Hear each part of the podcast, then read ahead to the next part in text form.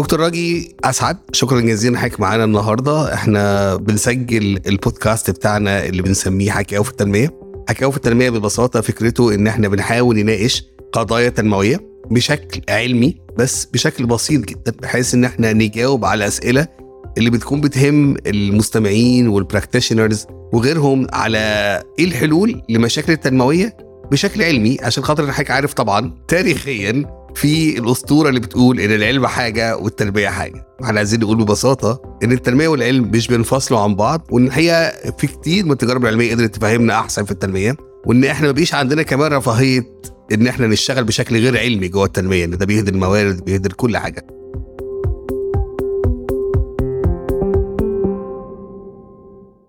فدكتور راجي طبعا حضرتك مش عايز مش قادر أعرف إيه ولا إيه بس في الآخر حضرتك عملت معظم الأبحاث ما كانش كلها اللي تتعلق بسوق العمل في مصر وأهم الأبحاث هي المتعلقة بسوق العمل في مصر. والحقيقة في السنين الأخيرة إحنا بنشوف ازدياد في معدلات البطالة في سوق العمل وبنشوف كمان انخفاض في معدلات المشاركة في سوق العمل بالذات للسيدات.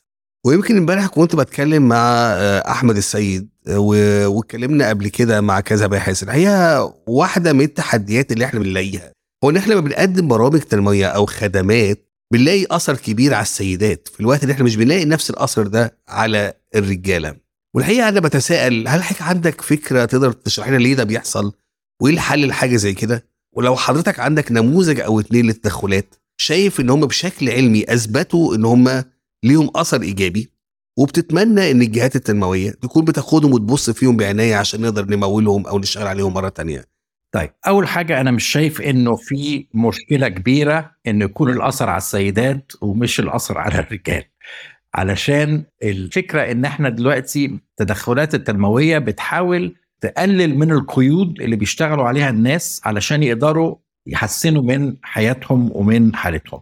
فالقيود أكتر بكتير على السيدات في مصر عن ما هم على الرجال.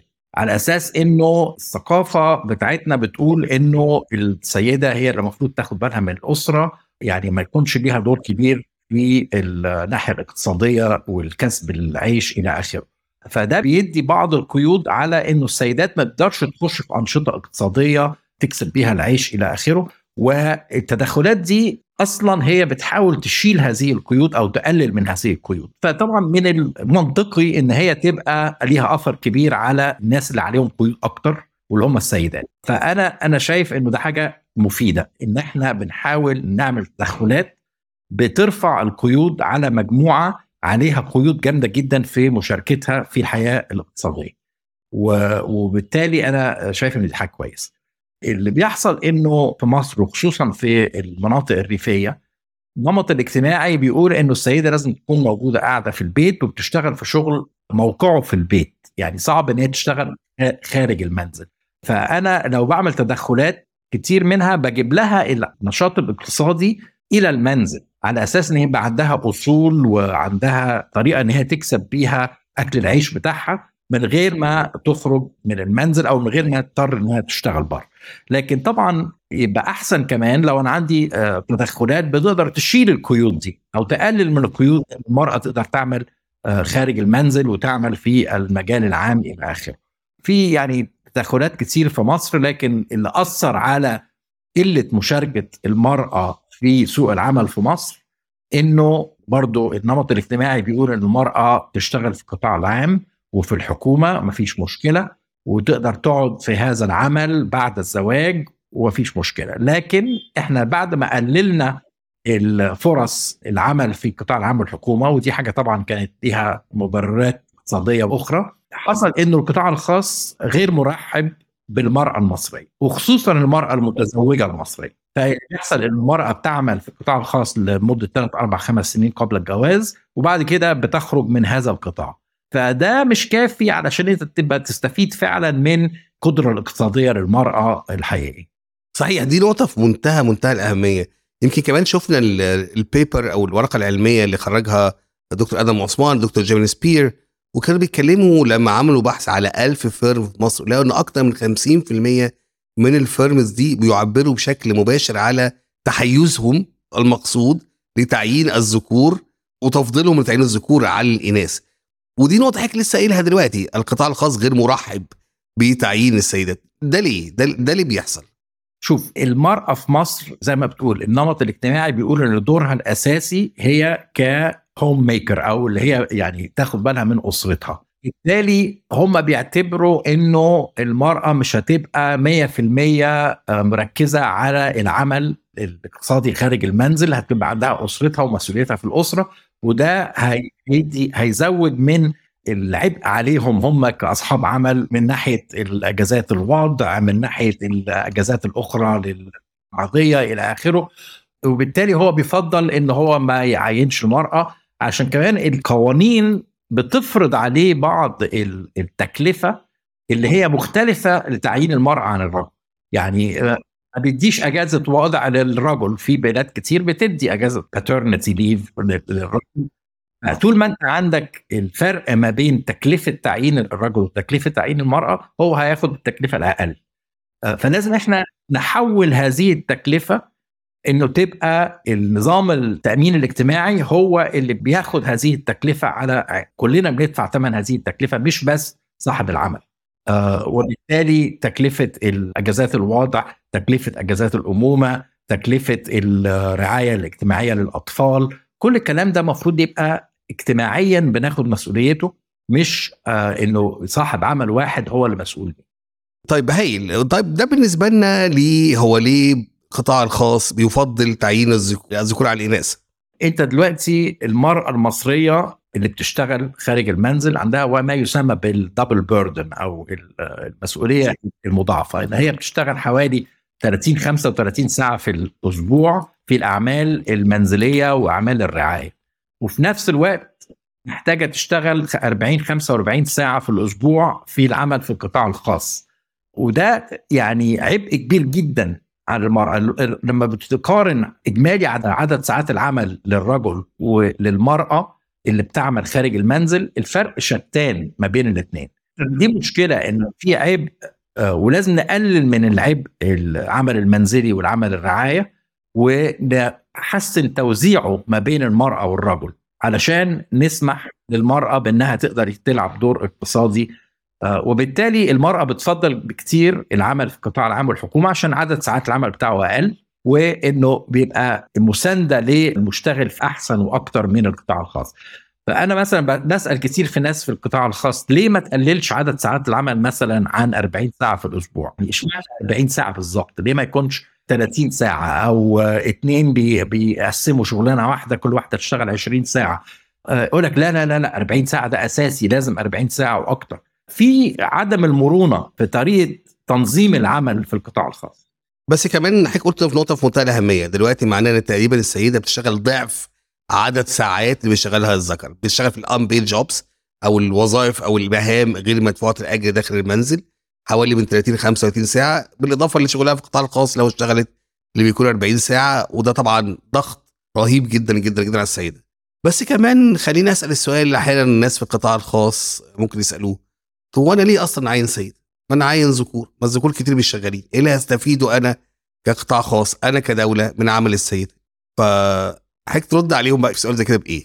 أول حاجة إن أنت الطريقة دي بتهدر 50% من الموارد البشرية بتاعتك. يعني ممكن قوي تكون السيدة مناسبة للعمل ده أكتر بكتير من الرجل من ناحية التعليم من ناحية طريقة يعني العمل إلى آخره. فأنت لما بتغض النظر عن نص الموارد البشرية بتاعتك وتقول أنا مش هاخد غير من النص الأولاني ده إهدار إهدار الموارد البشرية.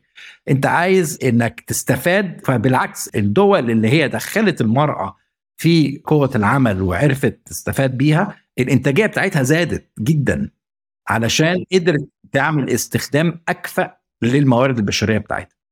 صحيح. ويمكن كمان لو ممكن أضيف هنا دكتور معظم الأبحاث التجريبية والبرامج التجريبيه اتعملت في مصر بتلاقي لما بتقدم نفس الخدمة للذكور والإناث الإمباكت على الذكور أو الأثر عليهم أكتر بكتير قوي قوي قوي فيمكن يكون كمان الإنتاجية وده يمكن له علاقة بإن الفرص المتاحة للسيدات قليلة جدا.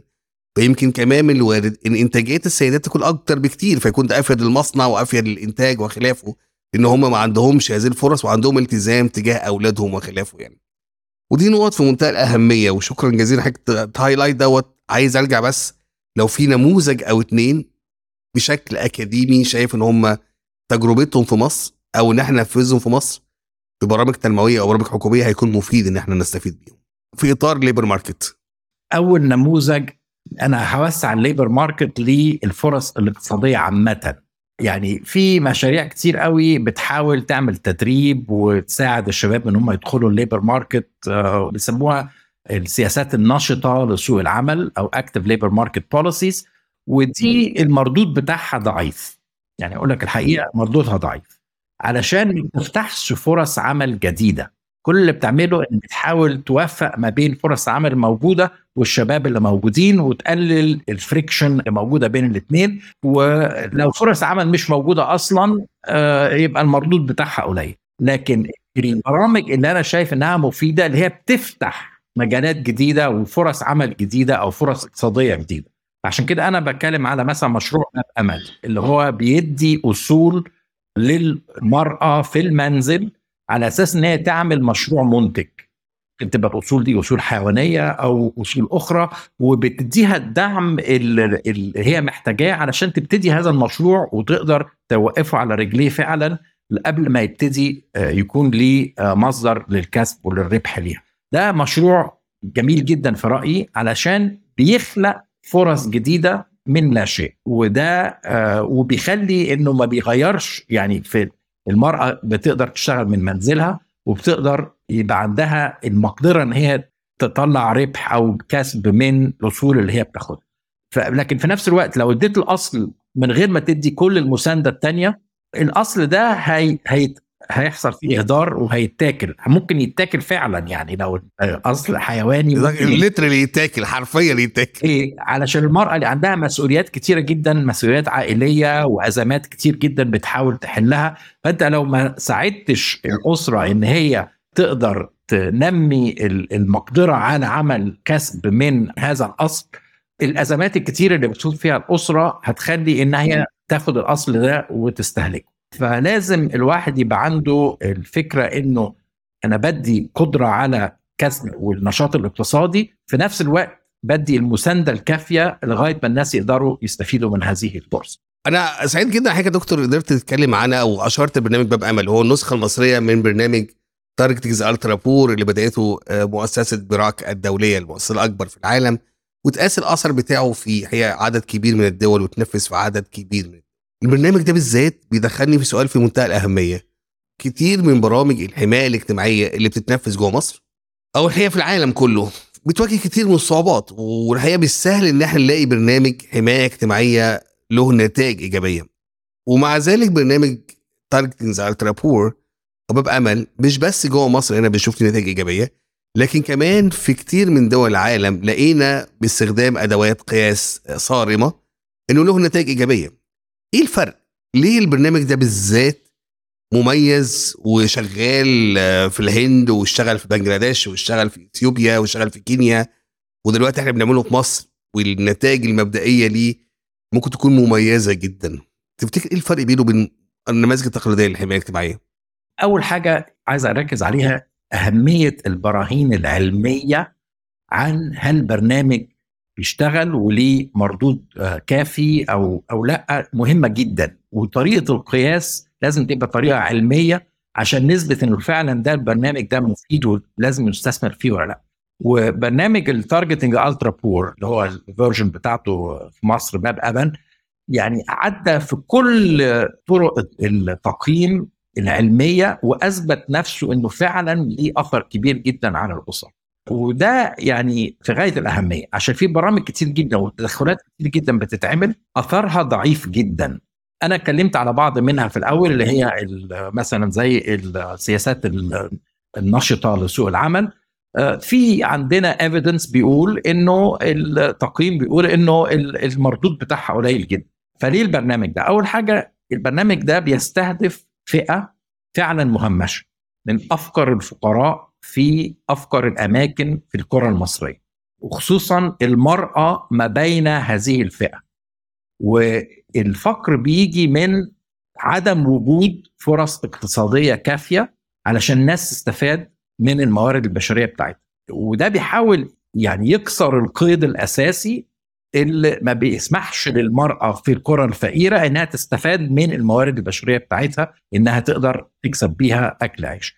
زي ما قلت النجاح بتاعه إن أنا بدي أصل نوعا ما كبير أو حجمه كويس ما بطلبش منها إنها تدفع ثمن هذا الأصل فبالتالي أي ربح جاي منه بيرجع لها هي ولاسرتها آه وفي نفس الوقت بدعمها لمدة سنة ونص بمساعدات مالية بمساعدات آه حياتية بمساعدات تقنية آه علشان تقدر تتعلم وتعرف إزاي تجلب الكسب والربح من هذا الأصل. والمساعدة دي مهمة جدا. علشان أنا ممكن أدي واحد مشروع كويس جدا وهو ما عندوش أي فكرة إزاي يدير هذا المشروع ويكسب منه فلوس. لكن لو اديت له المساعدة والمساندة الكافية إن هو يقدر يعرف إزاي يدير هذا المشروع مع الوقت وإنه ما ما يضطرش إن هو ياخد الأصل ده ويستهلكه باستهلاك الخاص أقدر أطلعه من بؤرة الفقر.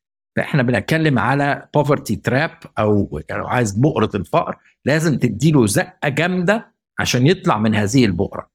لو الزقة مش كافية مش هتقدر تطلعه من بؤرة الفقر. آه ودي النظرية الأساسية ورا البرنامج ده إن عندي حاجة اسمها poverty trap ولازم أدي big push علشان أطلع الناس من ال poverty trap وبعد كده هم يقدروا يساعدوا نفسهم. طبعا زي ما حضرتك قلت كده وزي ما كانت بروفيسور أنا بانديرا كانت اتكلمت عن دي بالذات على فكرة البيك بوش عشان نقدر نزق الفقراء أو شديد الفقر بره الفقر تماما تمام؟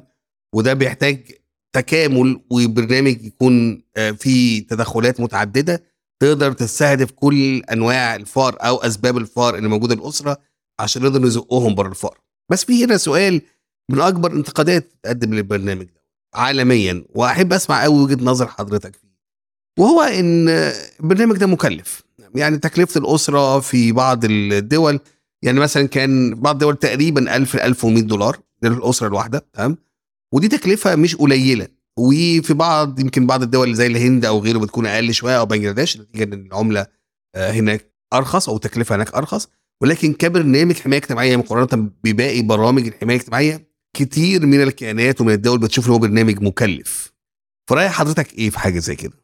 يعني بص يعني أنا لازم أعتبر إنه التكلفة دي ده استثمار على مدى الحياة. أنا بحسن حالة هذه الأسرة على مدى الحياة. أنا لو مثلا ما عملتش الاستثمار ده والأسرة دي قعدت فقيرة وأنا اضطريت أساندها بمساعدات شهرية على مدى الحياة هتصرف أكتر بكتير من تكلفة هذا البرنامج. لازم تعتبر إنه ده أنت بتستثمر مبلغ معين عشان تطلع الأسرة من الفقر وبالتالي مش محتاج تساعدها على المدى الطويل وهي بتساعد نفسها بعد كده فما أقدرش أقارن برنامج استثماري زي ده ببرنامج مساعدات نورية بيدي الأسر يا دوبك ما يسمح لهم إن هم يعني يعيشوا في الفترة اللي فيها بس ما بيغيروش من مقدرة على كسب العيش.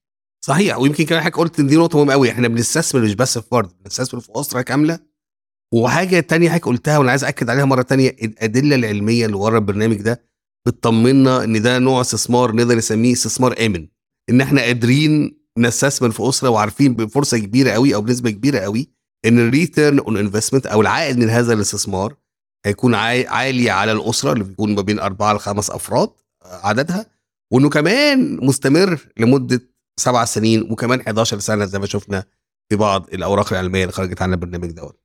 آخر سؤال عشان اخدت وقت حاجات كتير جدا وسعيد جدا جدا جدا حضرتك معايا النهارده. هو له علاقة بإن كتير في مجال التنمية بيجي يقولوا يعني إحنا الحقيقة قياسات الاثر دي رفاهية وقياسات الاثر دي مش المفروض إن إحنا نكون بنهدي الموارد التنمية عليها. وإن يمكن أفضل إن أنا لو عندي فلوس بدل ما أعمل بيها قياس أثر أروح أحطها ببرنامج وأساعد الناس. أنا إيه اللي هيحصل يعني. وأنا هعمل حاجة غلط إحنا مش بنعمل حاجة غلط للناس إحنا بنساعدهم. فتفتكر حضرتك إلى أي مدى تتفق أو أو ترفض هذا الطرح وليه؟